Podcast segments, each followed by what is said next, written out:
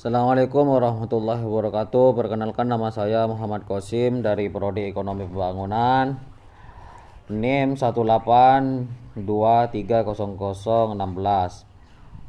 Pada kesempatan kali ini saya akan menjawab soal yang kedua yakni tentang ekonomi keuangan daerah. Yang pertama, jelaskan dengan baik dan rincikan gambar di samping 2.1 yang mana yang saya pahami DPH pajak merupakan bagian daerah yang berasal dari penerimaan pajak bumi dan bangunan dalam kurung PBB biaya perolehan hak atas tanah dan bangunan dalam kurung BPHTB. Pajak penghasilan pasal 25 dan pasal 29 wajib pajak. Orang yang pribadi dalam negeri PPH WPOPDN dalam kurung.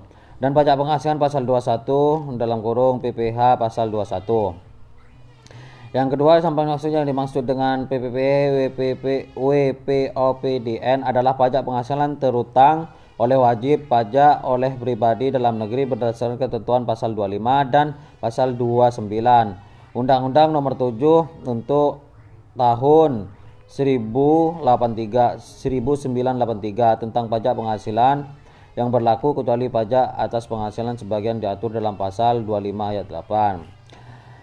Dan menurut saya pengaluran dari DPH pajak tersebut yakni pajak disalurkan dengan cara pemin, pemindah bukuan dari rekening kas umum negara ke rekening kas umum daerah penyaluran DPH PBB dan PPHTB dilaksanakan berdasarkan realisasi penerimaan PBB dan BPHTB tahun anggaran berjalan. Untuk DPH, PBB, dan BPHTB bagian daerah penyaluran dilaksanakan secara mingguan. Sedangkan untuk PBB dan dan PBHTB bagian pemerintah penyalurannya dilaksanakan dalam tiga tahap, yaitu bulan April, bulan Agustus, dan bulan November.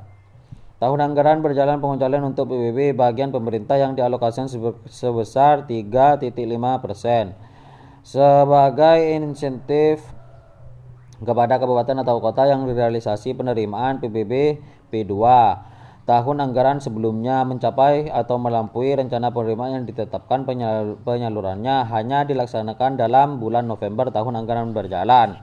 Mungkin ini yang bisa saya jawab. Kurang lebihnya mohon maaf jika ada kesalahan itu murni dari saya. Jika ada kebenaran itu dari Allah Subhanahu wa taala. Wassalamualaikum warahmatullahi wabarakatuh.